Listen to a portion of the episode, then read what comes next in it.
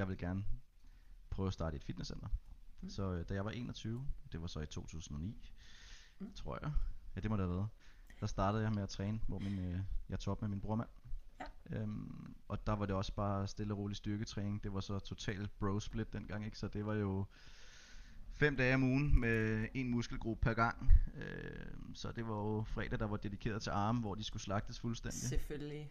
Ja. Velkommen til træningsteamen. Træningsteamen er for dig, der vil have mere viden om styrketræning og om kost. En podcast fri for bro science og quick fixes.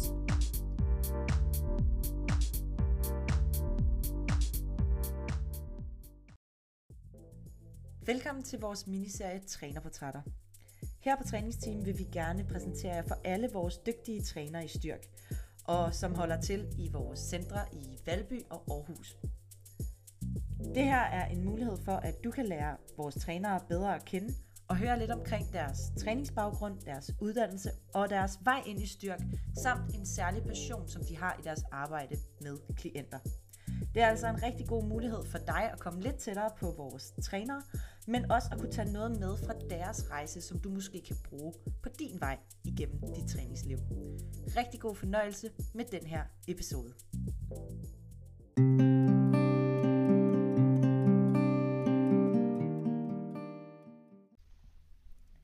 Mit navn er Michelle Lindop, og jeg er jeres vært. I dag er I tunet ind på endnu et trænerportræt, og øh, i dag har jeg besøg af Niklas på en online forbindelse. Hej Niklas. Hej Michelle. Og velkommen på træningsteam. Tak skal du have. Du er jo en af vores øh, nye træner i, øh, i Styrk, vores, øh, vores trænerteam i, øh, i Valby. Og, øh, og i dag der skal det handle rigtig meget om, hvem du er, og øh, hvilken træningsbaggrund du har, og hvad du virkelig brænder for i dit arbejde som øh, personlig træner. Så det har jeg glædet mig til. Ja, det har jeg også. Og øh, det er også sådan, at du faktisk øh, har prøvet at være med på en podcast før. Det har jeg. Det er ikke min møde om det her. Nej, nej. Øh, det var Katrine Gissikers podcast, du har prøvet at være med på. Ja, jeg har været inde øh, og snakke om, hvordan det er at være pårørende, når man har en syg far. Ja. Så det er sådan lidt et, et sårbart afsnit, hvor jeg også skulle fortælle lidt om mig, kan man sige. Ja. ja. Mm. Men ret spændende, og øh, også et, et afsnit, som jeg tænker, at øh, lytterne måske kunne, kunne finde interessant, hvis de har lyst til at, at lytte mere til dig. Men det kan de jo vurdere, når vi øh, nu har snakket her de næste 40 minutters tid, om de vil vide mere. Ja. det kan være meget sådan øh, sigende for, om, øh, om man vil høre lidt mere omkring dig. Nej. Jeg, øh, jeg har jo øh, gået lidt op og ned af dig de, næste, øh, de sidste par uger, og... Øh, og har lært dig at kende øh, stille og roligt. Men, øh, men jeg har også glædet mig til det her trænerportræt, fordi at jeg jo ikke kender dig så godt endnu. Du er jo øh, kommet til i, øh, i styrk sådan for relativt nylig, øh, i løbet af juli, var det ikke sådan? Jo, midten af juli. Ja. ja. Og øh, så, så jeg glæder mig også til at kunne stille endnu flere spørgsmål til, til din baggrund. Mm. Skal, vi ikke, øh, skal vi ikke springe ud i det? Lad os gøre det introducer dig selv. Øh, hvem er Niklas, og øh, sådan, hvor bor du? Hvad, hvad laver du i din dagligdag, udover at træne og, og undervise klienter? Ja, jamen Niklas han er 33 år gammel. Puh, Og så, så bor han på Frederiksberg med sin kæreste. Og så blev jeg også far i juni måned, den 5. juni, så jeg har en lille dreng på omkring 12 uger. Øhm, og det bruger jeg rigtig meget min tid på lige nu. øhm, men ellers så, så kan jeg godt lide at sidde ved min computer. Jeg er super nørdet. Mm. Øhm, og når jeg får tid, så kan jeg også godt lide at tage ud og fiske. Øh, ja. Det er ligesom den måde, jeg ligesom slår hjernen fra på. Øhm, mm. Og så synes jeg også, det er ret fedt at klatre. Det er sådan den nye ting, jeg er begyndt på. Ja. Øhm, det får jeg desværre ikke gjort så meget for tiden, også på grund af corona har været her og sådan noget. Men det er sådan ja. mine fritidsinteresser. Okay. Mm. Så endnu en computernørd til teamet. Ja, vi er jo ved at være nogle stykker, kan jeg fornemme, og det er jo ret ja. fedt. ja, både, øh, både du og, øh, og Daniel og Alexander, nej undskyld, ikke Alexander, øh, Asker og, øh, og Emil Fuglsang øh, er alle sammen øh, glade for, for computerspil, så jeg, jeg har jo op, opfordret jer til, at øh, så må der altså komme et LAN party eller sådan et eller andet stil. Ja, vi må lige hugge computerne sammen, og så må vi se, hvad vi kan være især, ikke? Må vi lige sætte hinanden på plads. Ja, det er, jo, det er jo noget med, at der, er det Asger, der har bygget sin egen computer? Ja, ja, det har han. Det har jeg ikke tur, tur, tur gøre. Jeg, jeg har købt min. Ej, så vil jeg også sige, så, så er nørdelevel alligevel øh, ret højt, er det ikke det? Jo, jo, men hvis ikke han kan noget, når spillet starter, så er det jo lige meget Michelle. Okay, okay, Ja, ja. så er vi ligesom i gang her, ikke? Ja, det er vi. Ja, godt. Og, øh, og du er blevet far for nylig. Hvordan er det i forhold til også at være sådan en træningsentusiast? Nå, men det er jo helt vildt. Altså, øh, det er jo mega dejligt at være far. Og det er jo, det er jo vildt, hvad man lige pludselig oplever, at man kan. Altså, hvad man kan holde ud lige pludselig, at man kan klare ikke at sove. Øh, Ja. og stadigvæk få dagen til at fungere sådan nogenlunde, ikke, dagen efter. Øhm, men øh, træningen synes jeg egentlig går sådan overraskende godt, øh, fordi jeg havde det sådan lidt under al den her coronatid, at der var det virkelig svært for mig at få nosset mig sammen til at, at lave hjemmetræninger, og lave kropsvægtsøvelser, og lave split squats og alt sådan noget i soveværelset, hvor det så var, jeg gjorde det ikke. Øhm, så det at have et, et sted nu, et, øh, et fast miljø øh, nede i Klub Skov, hvor man kan dukke op og have sin træning, det gør rigtig meget for mig, at jeg ligesom har, har det sted at træne. Og så, øh, så giver det bare mening, at man ligesom kan planlægge det rundt omkring sine klienter, så når jeg nu har min arbejdsdag alligevel, så er det ikke så svært for mig lige at få passet en times træning ind. Så det, øh, det er en rutine, der er gået ret godt her den seneste stykke tid. Øh, tre gange om ugen, en times tid, og måske lidt mindre, hvis det er, at jeg ved, at der, der er brug for mig derhjemme, eller øh, ja, så passer jeg det til, øh, og så får jeg måske trænet en lille smule mindre, men det er også okay. Mm. Øhm, jeg har fået en okay rutine op at køre nu igen, øhm, men det er noget andet i forhold til, hvordan livet var før barn og corona, hvor jeg trænede øh, fem, nogle gange seks gange om ugen, ikke? Øhm, Ja. så, men, men det, øh, det har jeg vendet mig til, vil jeg sige. Øh, det har jeg indstillet mig på, og det, Ja. det er rigtig godt. Ja, det tror jeg næsten er den vigtigste del af det. Det er det der med faktisk at indstille sig på, at det er sådan tingene er, og ligesom acceptere det. Fordi så er det også nemmere at være i, i stedet for at man går og stresser over, at det er, at det er ikke som det plejer, eller jeg har ikke lige så meget tid, som jeg plejer, eller hvad det nu Mm. kunne være. Men, øh, men sjovt nok er det jo, øh, jeg har jo øh, kun øh, sådan været kollega med dig en, en måneds tid nu her, og, øh, og alligevel synes jeg faktisk, at vi har haft ret mange gode snakke, så sent som i, i går, da vi begge to øh, trænede i Klub Skov, og vi faktisk netop snakkede om det her, øh, som du lige er kommet ind på. Så, øh, så det er jo lidt, øh, det er jo lidt interessant. Mm. Ja. Ja, men og noget andet er også, at sådan ens prioriteringer ændrer sig jo lidt. Så førhen, der vidste jeg, at jeg skulle træne, fordi det var sådan, jeg fungerede bedst. Altså, jeg skulle Mm. af med noget energi, jeg skulle have lov til at være alene, jeg skulle rase ud, og, Mm. mm. og alt det, altså det meditative, vi også får ud af den her træning, eller nogen af os gør i hvert fald, det, det rammer mig.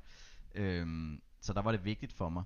Men nu er det jo mere vigtigt for mig, at jeg er der for min familie, men jeg ved samtidig også, at det er rigtig vigtigt, at jeg får gjort noget. Så, altså, jeg skal bruge min krop, ellers så fungerer jeg ikke lige så fedt. Øhm, så ja, behovet er ikke det samme, Nej. øhm, men det er stadigvæk en prioritering. Helt sikkert.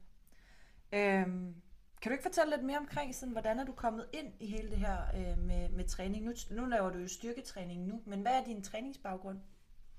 Øhm, jamen altså, jeg startede med at træne. Øh, jeg har altid været en aktiv dreng. Øh, spillet fodbold og badminton, og også på sådan en Mm. forholdsvis højt plan. Okay. Øhm, Lige så højt plan som Steffen Fisker.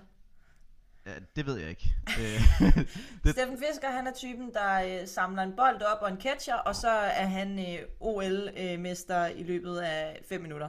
Jeg har ikke været til OL. det kan jeg godt lige spoil. Øh, så der skal jeg kigge bånd igennem. Øh, men men jeg, ej, badminton gik sådan ret godt, øh, efter Ja. vi fik en, en seriøs træner på os et par, et par sæsoner.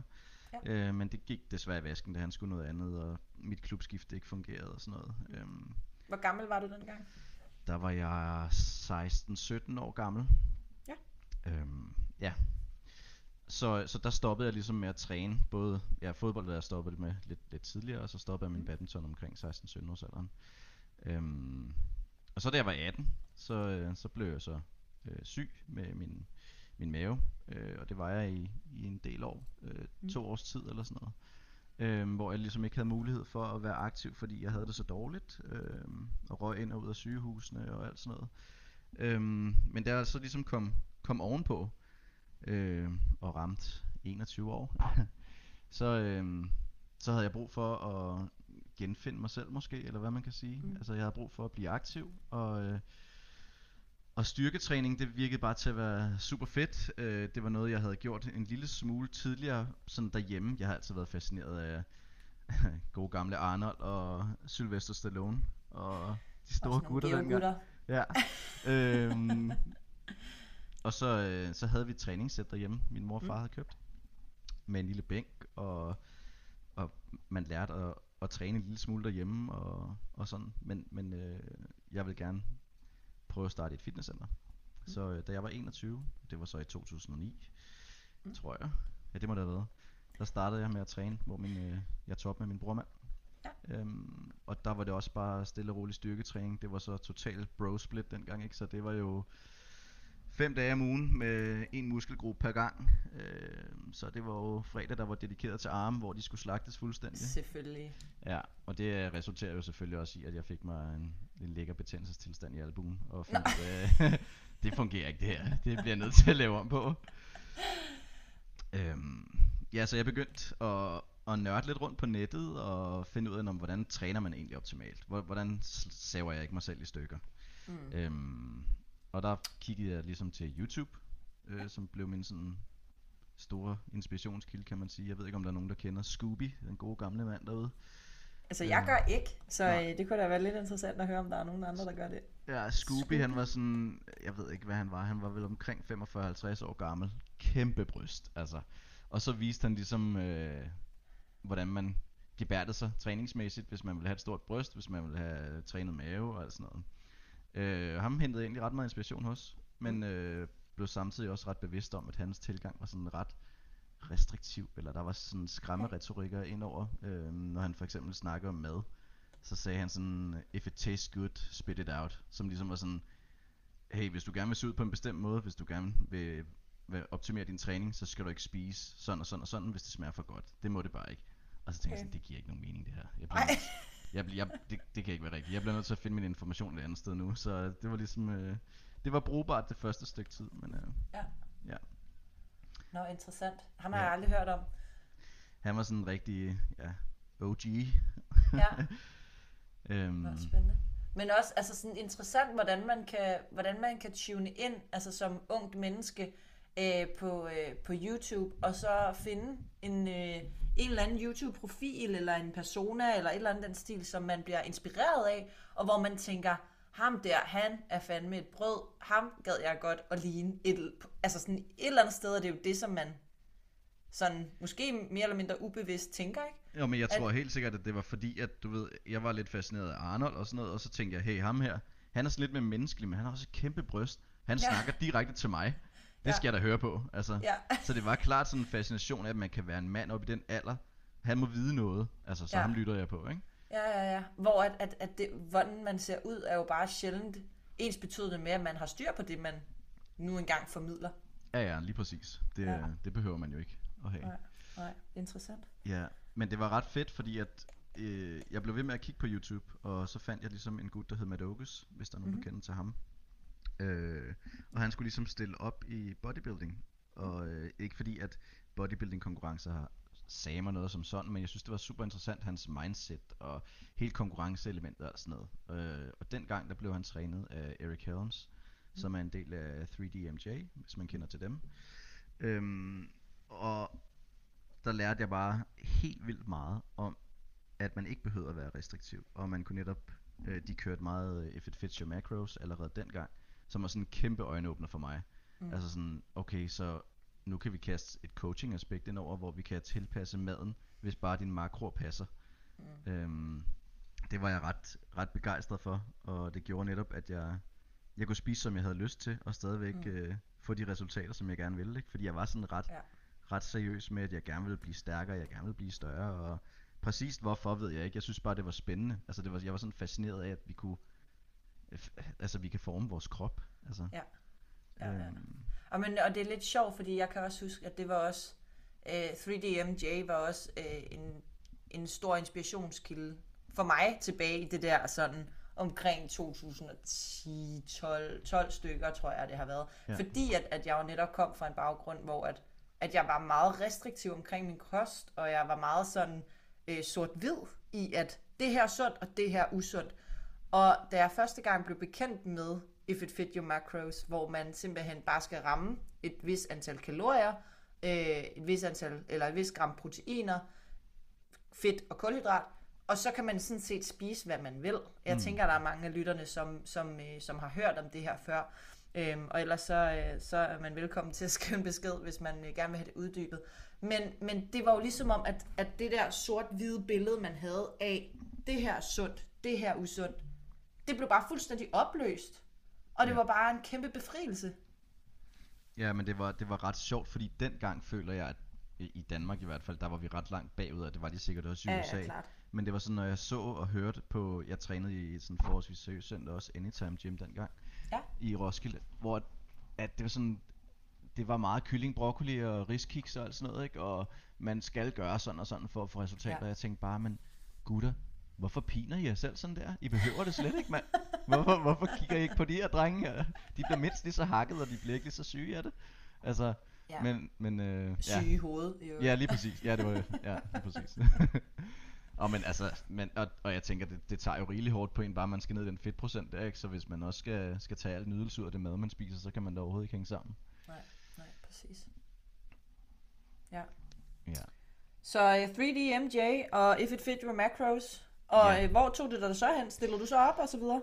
Uh, nej, og øh, det har aldrig rigtig sagt mig noget. Jeg blev spurgt forholdsvis meget, fordi jeg er sådan en lille gut, mm. og havde en okay frame til det egentlig dengang, øh, hvor jeg gik meget op i det, der har været 15-16 stykker.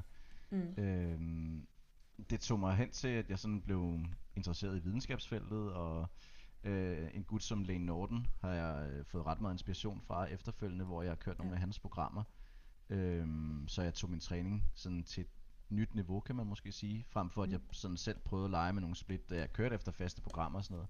Men så prøvede jeg ligesom at se, "Nå, men hvad gør de, de gode gutter, og øh, men, men men det blev aldrig til konkurrence, og jeg, hvis jeg skulle konkurrere, og stadigvæk den dag i dag, så skulle det mere være sådan performanceorienteret, altså, og ikke, øhm, ikke hvordan jeg skulle se ud, men så skulle mm. det være sådan en styrkeløft, og der ved jeg, der er bare slet ikke stærk nok, så det giver ikke nogen mening.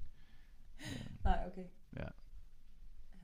Men det er, det er sjovt, hvordan at man, man er draget af det der konkurrenceaspekt på en eller anden måde, ikke? Jo, men det var som om, at det var, det var sgu nok for mig, at jeg bare konkurrerede mod mig selv, og det, Ja. ja. det er jeg sådan egentlig mig selv ret taknemmelig for. Ja. Øhm, og jeg havde en, en kammerat, som, som jeg begyndte at træne og træne sammen med, og så havde vi vores lille konkurrence, men det var stadigvæk vigtigst, at vi slog os selv. Ja. Øhm, og ikke alle mulige andre. Det behøvede vi ikke. Øh, og det er jeg rigtig glad for, at vi holdt fast i. Fordi at Ja. jeg har hørt rigtig mange historier fra andre, hvor de netop øh, blev nødt til at søge noget udefra, som måske ikke har været så sundt for dem. Mm. Øhm, så det har jeg været skånet for i hvert fald. Ja, ja. For nogen, øh, nogen kan, kan nøjes med det, og så er der andre, der ligesom, øh, uden at træde nogle over tæerne, men falder lidt i fælden, fordi jeg har også selv været der, at, at det blev til et, et konkurrenceaspekt imod andre mennesker og deres, hvordan de så ud, ikke? Det, Jo. øh, ja. Ja. Okay. Og, øh, og hvad så derfra i forhold til træningen? Jamen, øh, altså i forhold til min egen træning? Ja. Jamen, hvad så i forhold til min egen træning? Jeg, jeg tror bare, jeg, jeg, jeg passede mig selv lidt. Altså, Ja. jeg, jeg trænede meget i Anytime Gym, og det blev sådan mere og mere tungt bodybuilding miljø, der var der. Ja. Øhm, og det er sådan en lille jernhul. Jeg ved ikke, om Ja. der er nogen, der, der kender til det, men det er sådan rigtig tungt dak og store gutter og alt sådan noget. Og det, er- det er super fint, det rører mig ikke. Men det var bare som om, at på et tidspunkt, så, så skiftede det også lidt for, hvad jeg synes, der var interessant, og mm. hvilket miljø jeg gerne ville være i. Så øh, jeg havde trænet Fitness World tidligere, og så skiftede jeg tilbage til Fitness World. Okay. Øhm, det jeg egentlig godt kunne lide ved Anytime Gym, det var, at man kom, man kom der for at træne. Mm. Og i Fitness World, der følte jeg, der var sket alt muligt andet. Der kunne jeg lige så godt gå på Crazy Daisy nogle gange. Fordi at, så skulle man score hinanden, ikke, når man stod der på Stairmasteren, og lige skulle kigge på numsen eller et eller andet. Det var sådan, det er ikke derfor, jeg er her. jeg er her for at få sved på panden, altså gå nu væk. Lad være med at kigge på min numse. ja. Så det kunne jeg godt lide ved det der sådan hardcore træningsmiljø. Det er sådan, hey, vi er Ja. her for at, at proste, og det var okay, og alt Mm. sådan noget, ikke? Og Fitness World, der glodede de nærmest på dig, hvis du slap vægten lidt for højt op og sådan noget, ikke? Mhm. Øhm, og det er ikke fordi, man skal kaste med vægten, men det er bare sådan for at sige, det miljø, det var sådan, det gik ud på noget andet end træning. Ja, ja men det kan jeg så godt følge dig i. Altså, der er jo øh, Fitness World, i Fitness World skal der jo være plads til alle. Mm. Øh, det er jo en, en mainstream kæde, hvor at, at der skal både være plads til øh, den 14-årige, der kommer ind, den 35-årige, som har øh, karriere og arbejder osv., og så øh, den 65-årige, som, som gerne vil øh, også gerne vil bevæge sin krop. Ikke? Ja. Og, og folk kommer med mange forskellige formål, hvorimod et øh, decideret CrossFit øh, tr- træningscenter, eller Anytime Gym, eller nogle af de andre øh, træningscenter, som der findes rundt omkring, øh, hvor det er lidt mere specialiseret inden for en eller anden sportsgren, om det så er bodybuilding, styrkeløft, vægtløftning, crossfit, eller hvad det nu er. Der, der er ligesom bare en eller anden form for fokus, tror jeg. Ja. Ja. Men jeg tror også, måske, nu kommer jeg lige i tanke om, hvad der måske skete i min egen træning, fordi mm. at i Anytime Gym, øh, der var der ret tunge håndvægte og alt sådan noget. Og jeg, var, jeg blev sgu en ret stærk gut, og jeg har aldrig kørt sådan vildt meget bænk, men jeg kørte rigtig meget dumbbell press, altså med Mm. håndvægte. Mm. Øh, og nåede op på sådan 60 kilo og trykkede dem afsted. Og så, øh, så skiftede jeg tilbage til Fitness World, og der havde de kun håndvægte til 40 kilo. Og så Ja. ja. var jeg sådan, hey, kan vi ikke få nogle tunge håndvægte herop? Og der var politik sådan, nej, men det vil vi ikke, fordi vi vil ikke have alle dem med stive yder, de kommer herop og træner og sådan noget. Øhm, og så tænkte jeg sådan, men altså hvorfor, jeg har aldrig set en dopingkontrol op, og jeg har været her i fem år, hvorfor tager vi ikke bare en dopingkontrol i stedet for, og så Ja. lad os træne med nogle tunge vægte. Men det, det, det skete så ikke, og det gjorde, at jeg, jeg fik et, et fokus, hvor at jeg begyndte at træne lidt mere med kropsvægt og calisthenics, og Okay. jeg kørte øh, tunge pull-ups og blev sindssygt stærk i pull-ups, og kørte muscle-ups og kørte weighted dips, og altså sådan fandt nogle kropsvægtsøvelser, Mm. og gjorde mig nørdet i dem. Mm. I stedet for at køre øh, tung øh, dumbbell press, så kørte jeg tung dips. Øh, så jeg Mm. fandt ligesom ud af at tilpasse mig til det, jeg så var i Mm. der. Ikke? Så Ja, der, ja. der åbnede min træningsverden så en lille smule op, fordi at det blev den lidt nødt til, men også fordi jeg var nysgerrig på, hey, hvordan kan vi egentlig bevæge kroppen, uden at vi ligger på en bænk og gør vores arbejde. Ja, ja, præcis. Øhm, ja. Og hvordan træner du så i dag? Altså sådan, er det øh, fem, fem dage om ugen, bro, split en muskelgruppe ad gangen, eller hvordan? Nu er det øh, tre dage om ugen, fordi Ja. ja. det er det, øh, tiden tillader. Ja. Øhm, og egentlig også, fordi jeg synes sgu, det er meget fedt. Det er dejligt overskueligt. Øh, Mm. Og så træner jeg full body. Øh, og så, øh, og det havde gjorde jeg egentlig også. Jeg eksperimenterede lidt, da jeg stadigvæk havde tiden til det, med hvor meget full body man egentlig kan slippe afsted med at gøre om ugen. Skal man, når man kører fire gange om ugen, skal man så lave andet end full body? Og så tænkte jeg, ved du hvad, det vil jeg sgu gerne lige udfordre lidt, og kan, kan min krop holde til det? Så jeg har kørt øh, på et tidspunkt fem gange, fem gange full Øhm, og det havde jeg virkelig god succes med. Øh, skal man bare planlægge det ordentligt, så ikke man Ja. kører øh, tung bænkpres hver dag, man er oppe at træne. Ikke? Øhm, Ja, præcis. Og det er egentlig en tilgang, jeg har, jeg har kørt videre med. Nu kører jeg det så kun tre gange om ugen. Øhm, og øh, så prøver jeg at se, altså så har jeg en øvelse, som jeg gerne vil blive stærk i igen. Øh, fordi at det har været noget tid siden, jeg har været deroppe på min dødløft for eksempel. Ikke? Så det er sådan mit fokuspunkt nu. Mm. Og så prøver jeg at arbejde lidt rundt omkring min dødløft. Og Ja. så har jeg også noget til min overkrop. Ja. Øhm, Fedt. Ja, så nu er det sådan mere for at være i gang, og, men, men det er stadigvæk sådan lidt med et mål om at se, når man, hvordan kan jeg nå derop, hvis jeg kan, øh, hvor jeg var en gang, men med lidt mindre arbejde. Kan det lade sig gøre? Det synes jeg er ret interessant. Ja. Ja, og jeg tænker også, at vi kommer lidt, lidt nærmere ind på den tankegang øh, lige om et øjeblik. Mm. Øh, men jeg kunne egentlig godt tænke mig at høre lidt omkring sådan din uddannelse. Hvad, hvad har du egentlig af, af uddannelse? Ja, altså jeg tog PT-uddannelsen tilbage i 13, da jeg sådan, øh, der tænkte jeg, når man, skal jeg måske begynde at vejlede folk inden for det felt her, fordi nu følger jeg mig sådan rimelig kompetent, efter jeg sådan havde nørdet det lidt og ja. hørt på en masse kloge hoveder. Øh, så der tog jeg PT-uddannelsen. Og så øh, tog jeg, eller startede jeg på ernæring og sundhedsuddannelsen i 16, og blev færdig med min bachelor i, ja, for halvanden år siden. Mm. Øhm, og der skete ligesom et, et, øh, et skifte der også øh, under hele min ernæring og sundheds øh, forløb, kan man sige, hele uddannelsesforløbet der, hvor jeg sådan gik meget fra at øh, skulle optimere, og if it fits your macros, og vi skal tælle kalorier, og, og, og det var ikke fordi det var sådan vildt nørdet omkring, vi skal tælle kalorier, men jeg var sådan ret, øh, når jeg vejledte folk, at sådan, hey, hvis du har det her mål, når man så tæller vi kalorier, og så kan du stadigvæk gøre det fleksibelt, som du gerne vil. Mm. Og på Øhm, det her tidspunkt, bare lige for at lytterne med, der var du også personlig træner ved siden af. Altså, så du jeg. arbejdede som personlig træner derfra, Yes. hvad, 2013-agtigt. Ja. Ja. Det var sådan lidt on-off, ikke? Fordi at jeg blev så ansat i, i Fitness.dk i starten af 14. Og øhm, det var jeg sgu ikke så begejstret for. Altså det var sådan Nej. lidt noget samlebåndsfitness, hvis man kan sige det. øh, hvor det bare gik ud på, at de skulle have personlige trænere ind, så de kunne tjene nogle penge, fordi du rendte egentlig rundt og var ulønnet dengang. Jeg ved ikke, hvordan det er nu, men det var Mm. mm. dengang. Der rendte jeg rundt og arbejdede rigtig mange timer gratis for at servicere ja. dem, der nu havde, havde medlemskab til Fitness.dk. Ja. Øhm, og det holdt min økonomi simpelthen ikke til. Så jeg fandt mig et andet arbejde øh, i en delikatesse i butik, som jeg egentlig har arbejdet i rigtig mange år. Øhm, Mm. Og så har jeg kørt personlig trænertjenesten ved siden af også. Mm. Øhm, ja, men ja, som jeg, så jeg har kørt PT øh, imens her, mens jeg var på ernæring og sundhedsstudiet også. Ja. Og, øhm, og der var det, øh, der var jeg ret hooked på i starten af mit ernæring og sundhedsstudie, at jeg øh, skulle videre ind og læse humanernæring.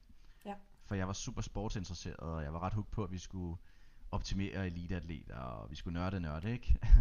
øhm, men så skete der noget på, på det studie her, hvor min samvittighed og min nysgerrighed blev vækket sådan lidt anderledes. Øhm, fordi studiet åbnede op for sådan lidt bredere perspektiv på, hvem der faktisk kunne bruge min hjælp, og hvor jeg kunne gavne henne. Øhm, øh, og fandt ud af, når man, altså inden for sundhedsaspektet, men også bare alt muligt andet, altså skal, skal jeg hjælpe børn i stedet for, altså fordi, hey, hvis man kan hjælpe børn, så er de ret godt på vej, altså så har de måske et godt fundament til resten af livet, eller Mm. skal jeg hjælpe den ældre målgruppe, fordi, hey, de, de har været i gang hele livet, og nu sidder de bare til over, så der er ikke nogen, der hjælper dem, og altså sådan, jeg havde rigtig Mm. mange konflikter med mig selv, sådan, hey, hvor kan jeg egentlig gavne mest, og, og samtidig, hvad har jeg egentlig lyst til?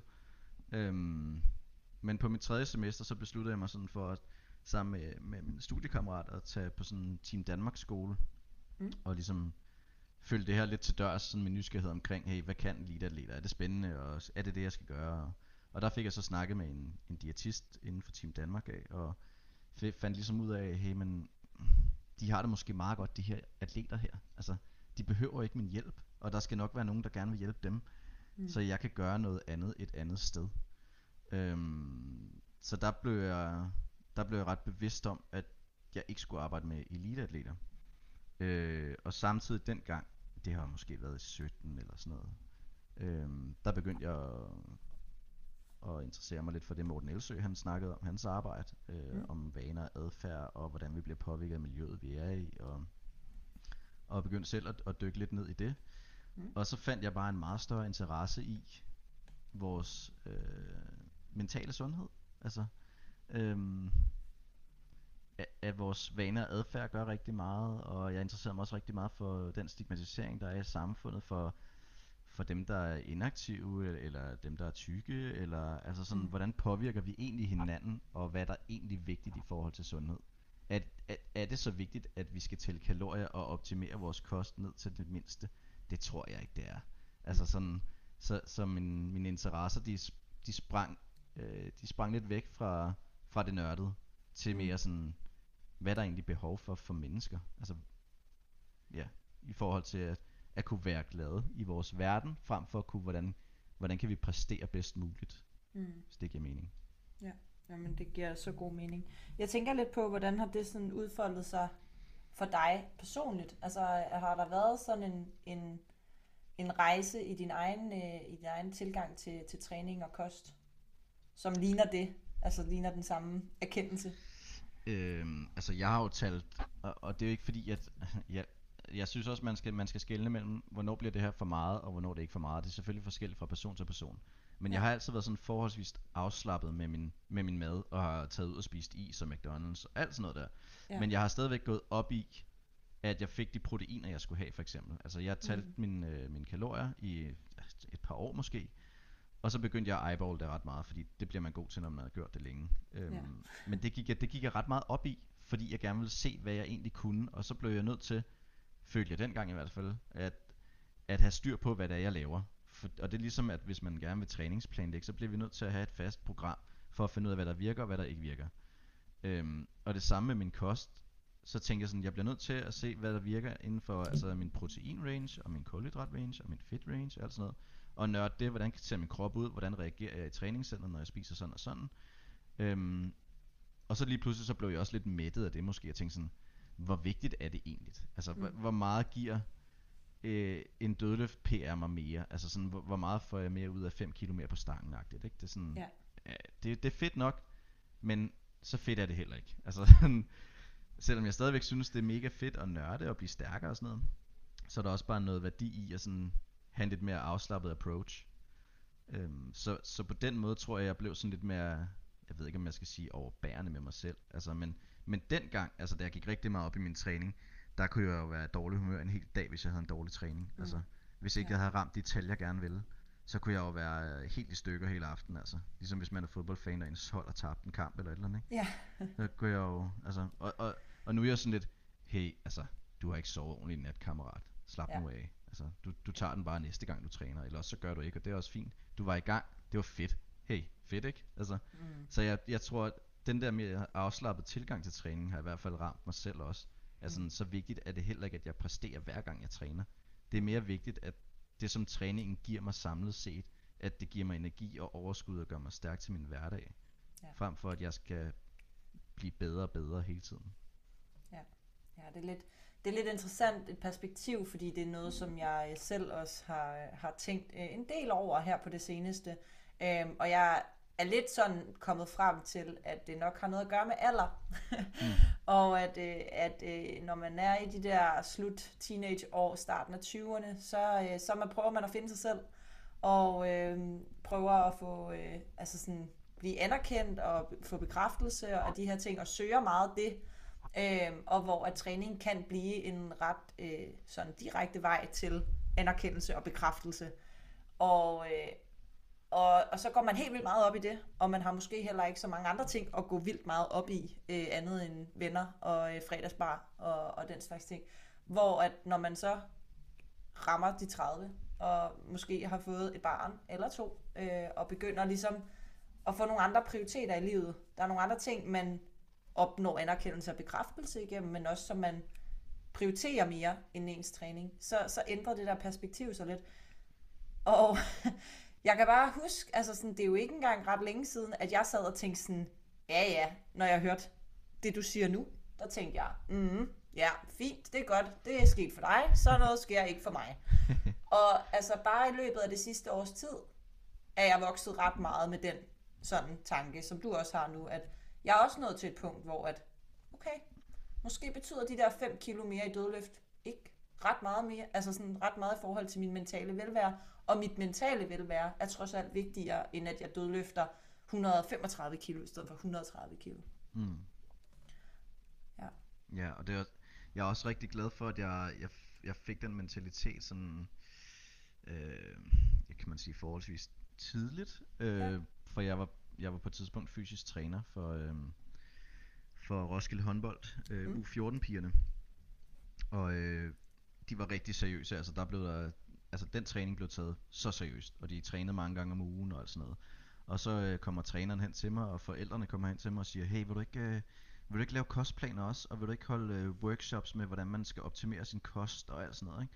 Mm. Og så var jeg sådan, fordi jeg havde jo faktisk, som træner, nogle ret sårbare samtaler med nogle af, af de piger der i, ja. i centret, øhm, hvor jeg fandt ud af, at sådan, hey, det er ikke vigtigt for de piger her. Prøv at tænke på, hvor mange ting de også skal nu de udvikler sig på et fuld knald som 14-årige eller 13-årige. Ja, de har fyre, de skal tænke på, de har en skole, de skal præstere i, de har et håndboldhold, de skal præstere i. De skal, altså hvis ikke de præsterer på banen, så har de nogle kammerater, der skal, skal stå til ansvar for. De ja. har ikke brug for flere stressfaktorer. Og jeg ja. kan se, de performer i centret. Det er rigtig vigtigt for mig, at jeg kan se, at, at de er glade ved det, de gør. Og mm. det er de. Så har vi ikke brug for at sætte mere på lige nu. Altså, mm. øh, så det var jeg ret glad for, at jeg sådan jeg fik med mig i min trænerkarriere, sådan også da jeg i hvert fald havde dem, og ikke bare tænkte, jo jo helt sikkert, vi skal bare optimere ja, ja. de der piger på 13 år gamle, fordi så havde ja, jeg måske ja. været, været med til at ødelægge dem fuldstændig, ikke? Altså hvad ved jeg? Ja, ja. Hvor meget møder du den tankegang i forhold til det der med at optimere på alle parametre øh, i dit arbejde i, øh, i dagligdagen med klienter og sådan noget? Jamen jeg tror, at det er sådan størstedelen af dem, man, man har, har samtaler med til at starte med, de er sådan, hey, mm jeg skal sgu ind her, og så skal jeg bare, altså, jeg skal bare blive bedre. Og ja, der bliver ligesom ikke rigtigt, altså, det, det er sådan, ja, nå, men det, jeg vil gerne være med til at gøre dig bedre, men vi skal bare lige finde ud af, hvilket grundlag vi gør dig bedre på. Altså sådan, mm. hvorfor vil du egentlig være bedre, og hvor vil du være bedre henne? Mm. Gør det dig bedre, at vi begynder at, at nusse rundt i, hvordan du spiser? Eller gør vi dig bedre ved, at du sover anderledes? Eller gør vi dig bedre ved, at du faktisk får prioriteret din tid, hvor du gerne vil prioritere den henne? Mm. Altså, så jeg, og jeg er blevet meget bedre til at stille spørgsmål til klienterne i forhold til, hvad de egentlig skal optimere. Hvor at før, der tror jeg, de er kommet ind, øh, eller ikke før, men de kommer bare ind generelt, og så vil de gerne have optimeret deres sundhed, men uden at vide, hvordan man optimerer sundhed, eller hvorfor de vil optimere deres sundhed. Øhm, og det er nogle rigtig interessante spørgsmål at stille, fordi at så, så bliver man bare klogere på, hvad der egentlig er vigtigt i, i livet hos, hos den klient, man nu sidder overfor. Ikke? Det er sådan, når man så vigtigt er det måske heller ikke, at jeg træner de der fire gange om ugen. Altså så en ny klient, der kan komme ind og sige, hey, jeg skal være en bedre version af mig selv. Det gør, at jeg skal træne mindst fire gange om ugen. Og så er ja. det sådan, hey, men øh, hvorfor egentlig det? Altså, mm. hvad hvis nu man kunne få lige så meget ud af dit træningsudbytte ved at træne to gange, måske tre gange om ugen, og så den sidste tid, hvor du vil træne, der er du lige sammen med familien, eller et eller andet, ikke? Ja. Altså, det er bare et eksempel sådan, nå, jamen, det kunne måske give mit liv super meget værdi. Og det er ikke fordi, jeg skal sige, at man ikke kan få det til at fungere, hvis man træner fire eller fem gange om ugen. Det kan man sagtens. Men det er bare forskelligt fra person til person, og det er vigtigt måske lige at stoppe op og spørge, hvorfor er det, vi prioriterer, som vi gør? Er vi mm. sikre på, at det er den rigtige vej at gå? Ja. Det her bliver måske et lidt ledende spørgsmål, men oplever du, at dine klienter, eller dem, der så kommer ind til samtaler hos dig, at de er gode til ligesom at forklare dig, hvad grundlaget er. Altså at kunne sige, hvorfor er det, at jeg gerne vil træne så og så meget, eller hvorfor er det, at jeg gerne vil tabe mig 10 kilo, eller hvorfor er det, at jeg gerne vil i, i være den bedste version af mig selv, sådan rent, øh, rent udseendsmæssigt. Oplever du, de er gode til ligesom at sætte ord på, hvorfor det er, og hvorfor det er vigtigt for dem?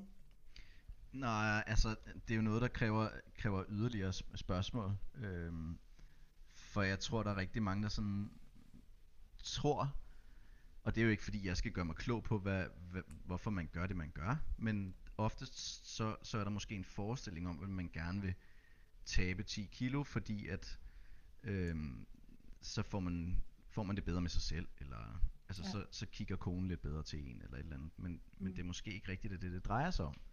Øhm, men, men det kan godt være det, den første respons, eller hvis der er nogen, der siger, at jeg, jeg spiser for mange søde sager, fordi jeg har en dårlig vane, og det skal jeg bare stoppe med. Mm. Og så, så er det interessant at dykke ned i den der dårlige vane og sige, jamen, jeg tror ikke på, at der er noget, der hedder dårlige vaner som sådan. Der er en grund til, at du skabte den vane til at starte med. Mm. Og det kan måske være, og det er jo selvfølgelig ikke alle, der har det sådan, men hvis man har med en, der gør, der måske har en lidt øh, en historik med lidt øh, svær, altså have det svært med sin, sin mad og sin krop og sådan noget, når man så kan det være, at man har tillagt sig en, en dårlig vane i citationstegn, som hedder chokolade, og det har måske været for, at man har passet på sig selv, så det har faktisk været selvomsorg. Men så er det jo lige pludselig ikke en dårlig vane. Mm-hmm. Så skal vi bare finde ud af, men, hvordan kan du give dig selvomsorg på en anden måde, hvis det er det, du ønsker. Mm. Altså, så, og, og på den måde kommer man jo frem til, at man sådan, når man så er det ikke en dårlig vane, jeg skal dunke mig selv i hovedet med. Det er faktisk, jeg kan anerkende mig selv for at have ydet selvomsorg. Nu vil jeg bare gerne finde en mere hensigtsmæssig måde at yde den selvomsorg på, end ved at spise chokolade. Og det er ikke fordi, man ikke må spise chokolade og yde selvomsorg på den måde. Men det kan være, at man, man ikke vil det hver gang. Eller sådan, du ved ikke? Mm. Ja. ja. Det håber jeg giver mening. Det giver rigtig god mening, i hvert fald i mine ører. Øhm, så det håber jeg også, det gør i lytternes. mm. øhm, men, men jeg kommer også til at tænke på det der med, sådan, hvordan... Nu sagde du før i forhold til din egen træning, det der med, at du prøver sådan lidt at eksperimentere med, hvor, hvor lidt du egentlig kan lave øh, i din egen træning, og stadigvæk se resultater. Så hvor meget kan du egentlig skære ned på din træning, og stadigvæk opleve, at du ser en, en fremgang øh, på de forskellige parametre, som du gerne vil se en fremgang i. Øh, hvordan, hvordan forholder det sig i forhold til dine klienter? Har de den samme indstilling, eller er de med på den, når det er, du prøver at, at præsentere dem for det? Mm, ja, det er lidt forskelligt. Og jeg vil ja. også sige, det, det er jo også en balancegang, man skal finde som træner. Man skal også møde sin klient i, hvad de gerne vil. Og så kan man jo prøve det af, som de også gerne vil. Og så kan man mm. sige, så det er jo ret vigtigt, at man har en åben dialog, hvor de også skal komme ærligt til en og sige, okay, det fungerer faktisk ikke det her. Ja. Øh, det som du havde øh, lagt ud til at starte med, det vil jeg gerne have ændret en lille smule. Og det skal man jo ja. så have lov til. Det kan også være, at, at jeg prøver at, at lave lidt af det, klienten gerne vil til at starte med, og så finder vi ud af, okay, det kan kroppen faktisk ikke holde til, eller jeg er mega mm. træt i min hverdag, eller jeg sover dårligt om natten og sådan noget, så kan man jo tage snakken og sige, hey, men måske er det fordi, at vi faktisk kører for hårdt på. Ja. Er du frisk på, vi lige ser, hvad der sker, hvis vi træner en lille smule mindre. Tager en øvelse væk, eller tager en dag væk, eller hvad det nu kan være, man kan lege med. Ikke? Ja. Øhm, så sådan kan man jo sammen blive klogere. Der er jo ikke det er jo ikke så tit, at man rammer den i røven første gang. Men jeg vil sige, jeg vil hellere gå meget mere konservativt frem. Øh, og det, det føler jeg også, jeg har okay succes med, med mine klienter, fordi så finder de ud af, hey, bare det at komme i gang, det giver mig energi. Og man har nogle succesoplevelser med det program, man får, fordi man kan kæmpe sig igennem det. I stedet for, at man bliver savet over med et eller andet program, hvor man skal lave øh, 20 øvelser hver gang, man er oppe at træne, og så skal man også gøre det fem gange om ugen. Ja. Øhm, det kan de fleste se mening i, at man faktisk har et program, man kan komme igennem på omkring en times tid. Øhm, ja. Ja, fordi det er jo en interessant sådan... Jeg, jeg tænker, at det hænger lidt sammen med den måde, som vi et eller andet sted opfatter øh, sundhed i dag øh, i samfundet. At sundhed er noget, som vi alle sammen altid kan blive bedre på. Det er sådan lidt ligesom øh, teknik i dødløft. Det er noget, som vi altid kan Mm. forbedre os til, ikke? Øhm, og, og derfor bliver der også sådan en... Og det er selvfølgelig mange andre øh, faktorer, der også spiller ind på det, men der er sådan en effektivit- effektiviserings effektiviserings øh, omkring, øh, omkring vores sundhed, og vi hele tiden skal optimere og gøre det mere effektivt og præstere måske også øh, i forhold til vores sundhed og vores sunde vaner, så at sige. Øhm, men det kan jo også tit lede en op, altså lede en over til, at man er meget man prøver konstant at gøre det maksimale, i stedet for at prøve at finde ud af, hvad er det minimale, jeg kan slippe afsted med, eller hvad er det, som jeg kan slippe afsted med, som rent faktisk også passer ind i min hverdag. Så i stedet for bare at prøve sådan at være sådan, okay, jeg skal gå til grænsen hele tiden, øh, fordi ellers så er jeg doven i situationstegn, eller øh, så, øh, så gør jeg ikke nok i forhold til min sundhed, så er jeg ikke effektiv nok, eller jeg optimerer ikke tilstrækkeligt. I stedet for at kigge på, okay, hvordan ser mit liv ud, og, og hvad er faktisk meningsfuldt for mig at gøre øh, i forskellige kontekster. Helt sikkert. Jeg er meget enig. Øhm, og det er jo også, altså nogle gange så snakker, er der også nogen, der snakker om, men de skal bare saves over, og vi skal træne til failure, og jeg skal bare mærke, Ja, ja, det brænder i hele kroppen. Ikke? Og der er man jo glad for, at man har forskning i ryggen og sige, når man, hvis vi træner til failure hele tiden, så er det faktisk suboptimalt, fordi at så restituerer du ikke lige så godt Mhm. fra det. Du, du, altså hvis vi, hvis vi gør det anderledes, så kan du faktisk få bedre resultater. Ikke? Ja. Øh, og lige så snart man hører, nå, bedre resultater, når man Ja. altså, Nå, men så er det måske mere interessant, øh, end at vi saver os selv i stykker hele tiden, ikke? Altså Ja. sådan, så der kan, man jo, der kan man jo vinkle den til sin fordel. Men jamen, jeg er meget enig i, at jeg synes, det er rigtig interessant, at når man, hvad kan vi egentlig slippe afsted med for at få rigtig god udbytte? Mm. Øh, I stedet for at tænke, når man, jeg skal bare save mig selv helt i stykker, fordi Mm. at jeg skal kunne mærke, at jeg har været i gang i dag. Ja, præcis. Præcis. Mm. Og det er jo også fedt at gøre en gang imellem, og virkelig øh, øh, gå efter en PR, eller øh, presse sig selv, så ens øh, lunger øh, hænger lidt ud af halsen på en til sidst. Det øh, er i hvert fald en personlig præference, øh, lad mig bare sige det sådan. Men det er også en ting, som, som man ikke kan gøre altid, ligesom du siger. Det giver ikke de gode resultater. Det gør det at arbejde med lidt lavere intensitet, lavere belastninger. Øh, ja. Ja, ja, altså, vi, vi skal jo også passe på, at vi ikke snakker det ned, at man bare skal ødelægges, fordi det synes jeg også selv er fedt. Altså, jeg kan godt lide, jeg kan godt lide, øh, jeg nærmest Så er kommer sådan, sandhederne på bordet. jeg kan godt lide, at jeg nogle gange er lidt svimmel efter, jeg er dødløftet og sådan noget, ikke? Ej, men, men det er jo sådan en fin balancegang, fordi Ja. ja. man kan jo godt have, altså man kan jo godt synes, at det er fedt på en eller anden måde. Selvom det er fucking hårdt, så kan man godt få den der følelse af, at det også er lidt fedt at presse sig selv og søge de der grænser. Ja. Men der er bare, altså det er jo hele tiden et spørgsmål om balancegang. Lige præcis. Der er et eller andet sted, hvor der er sådan en slags uh, diminishing return. Altså, nu får mm. Jeg ikke mere ud af det, selvom jeg gør mere for det. Altså, det er sådan, mm. Den grænse Ja. skal man lige finde. Og det kan jo godt være, at det tager noget tid at danse på den, ikke? Men, Ja. Og nu er vi jo, nu, har jo nogle års erfaring i gamet, så vi ved jo Mm. nogenlunde, hvor vores egne grænser ligger, ikke? Så det er jo selvfølgelig også noget, man skal Præcis. finde ud af med sine klienter. Og jeg tror, øh, at det er nok en, øh, typi, eller en hyppigere historie, jeg hører hos personlige trænere selv, end det er hos, øh, hos de klienter, som træner hos de personlige trænere, Mm. at det her med at søge grænserne faktisk er, er fedt.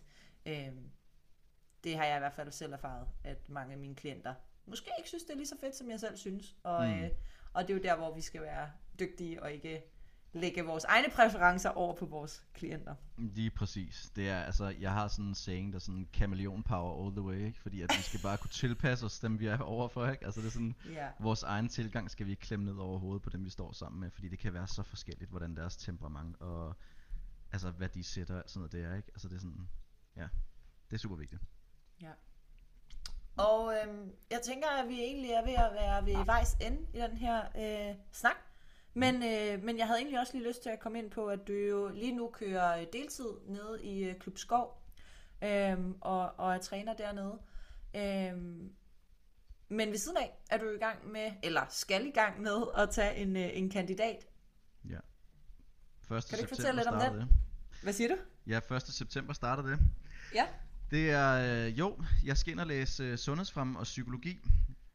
Øhm, og det er jo også, altså det, det siger jo også meget godt noget om min rejse, ikke? at jeg troede på et tidspunkt, at jeg skulle ind og læse humanernæring og nørde totalt meget om, hvad der sker på, på mikro- og makroniveau i, i kosten og kroppen, og nu er jeg sådan mere interesseret i psykologien, Mm. og øh, jeg synes det er sindssygt spændende at gå dykke ned i vores mentale sundhed og stigmatisering i samfundet og jamen lidt det jeg sagde tidligere, ikke? Sådan, hvad giver os egentlig værdi og hvad er der egentlig sundt for de Mm. enkelte? Øhm, det synes jeg er nogle rigtig interessante spørgsmål og besøg lidt mere nysgerrigt øh, og åbensindet, fordi at og det tror jeg også er noget jeg sådan har fået med mig med tiden at sådan hey vi bliver nødt til at stille nogle åbne spørgsmål for at kunne blive klogere i stedet for at tænke hey jeg har nøglen og det er bare if it fits your macros all the way ikke? Sådan Mm. nej men det tror jeg ikke. altså Nej. det, det er ikke så vigtigt for, for rigtig mange mennesker, om det passer ind i vores makroer. Det er jo ligegyldigt. Det er sådan, hvad, giver, hvad giver os værdi? Og, der er det bare et rigtig interessant studie for mig, at kunne komme til at, at fordybe mig i, i sundhed på også politisk plan. Øh, får jeg også mulighed for ikke at skrive nogle projekter. Øh, hvad bliver der iværksat politisk, og hvordan fungerer det egentlig i samfundet? Er det, er det noget, der giver mening, det vi har gang med, eller har gang i? Ja. Øhm, ja. Så det, det glæder jeg mig meget til at dykke ned i og blive klogere på. Det kan jeg godt forstå. Og når den her episode bliver udgivet, så er du jo også allerede i, øh, i fuld gang med det. Men Niklas, hvis øh, der nu er nogle af lytterne, der tænker, at øh, de godt kunne tænke sig øh, og, øh, og høre lidt mere til dig og, øh, og læse lidt mere om, hvad du går og laver, hvor, øh, hvor kan man følge dig hen så? Ja, men man kan følge mig på Instagram, hvor jeg øh, har en profil, der hedder Lundgrenen.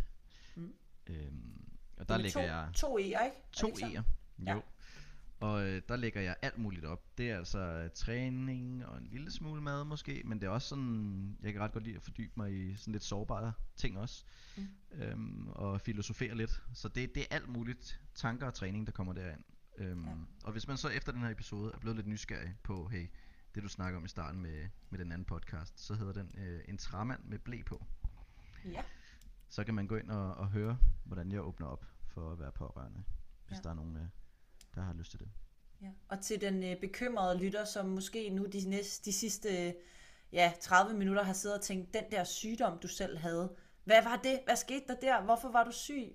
Kan du ikke bare lige fortælle, øh, bare meget kort, hvad, øh, hvad var det, det drejede sig om? Er det også sådan ret nonchalant lige at kaste ud, at man har været syg to år og ikke gå ned i det? Og bare ind og ud af hospitalet og sådan, ja. Så jeg, jeg tænker, nu skal jeg bare lige give Ja. øh, de her øh, morhjerter ro i, ja. i Ja. sindet. jeg har det godt nu. Øh, Ja. Altså dengang, det var sådan totalt funky, og blev aldrig sådan helt placeret, hvad det egentlig var. Øhm, men jeg havde sådan lige pludselig opkastninger, og så havde jeg bare rigtig ondt i maven og kvalme hen over en, ja, to, to og et halvt år, øh, hvor jeg røg ind og ud af Køge Søgehus, uden at de egentlig fandt ud af præcist, hvad det var, men de kunne godt se, der var sådan, ja, et eller andet, der ikke var, som det skulle være. Øh, og jeg fik bare at vide, når man, det de havde set tidligere, det var, at det ville gå i sig selv, men de kunne ikke sige noget om, hvornår. Nej. Så øh, det var, det var, altså det var faktisk en super svær tid for mig, fordi jeg blev sådan lidt isoleret fra mine kammerater, og i og med, at de ikke kunne finde ud af, hvad der var galt med mig, når man, så blev jeg sådan mere og mere overbevist om, at måske det bare var inde i mit eget hoved. Det var også ligesom det indtryk, jeg fik ud fra omverdenen, ikke? Og sådan, hey, men er, jeg, er, er der sådan noget galt mentalt med mig, eller hvad? Jeg kan jo mærke det i min mave. Jeg, jeg, altså, jeg var sådan virkelig i tvivl om, hvad det var, der foregik. Ja. Øh, og det, det kom jeg mig så over, øhm, heldigvis for det, fordi det var godt nok forfærdeligt. Ja. Øhm, så jeg ved ikke, hvad det var, øh, og finder nok aldrig ud af det. Men øh, det er heller ikke så vigtigt, for i dag der har det godt. Og det er jo det vigtigste. Så fik vi også lige øh, bundet sløjfe på den. ja. Niklas, tusind tak, fordi du havde lyst til at være med i øh, det her trænerportræt. Selv tak. Det var så afslutningen på denne episode. Hvis du gerne vil læse mere om træningsteamen og det enkelte afsnit, så kan du klikke ind på træningsteamen.dk. Og hvis du har spørgsmål til den enkelte episode, eller har forslag til emner, vi kan tage op i en fremtidig episode, så har vi en Facebook-gruppe, som du kan tilmelde dig. Facebook-gruppen hedder Træningsteamen, og herinde er der mange dygtige og kompetente mennesker, som sidder klar til at hjælpe dig. Hvis du kunne lide den her episode og gerne vil høre flere episoder, så er måden du bedst hjælper os med det på, er ved at give os en god anmeldelse i din podcast-app. Det tager ikke mange sekunder for dig, men det gør en kæmpe forskel for os og i udbredelsen af træningsteamen. Det er jo netop for dig og for jer, at vi laver træningsteamen. For vi brænder virkelig for at hjælpe så mange som muligt med deres kost- og træningsvaner. Og hvis du vil læse mere om Styrk og hvad vi ellers foretager os, så kan du klikke ind på styrkmig.dk eller følge os på Instagram under navnet styrk_dk. Nu er der vist ikke andet end at sige tak fordi du lyttede med. Vi høres ved.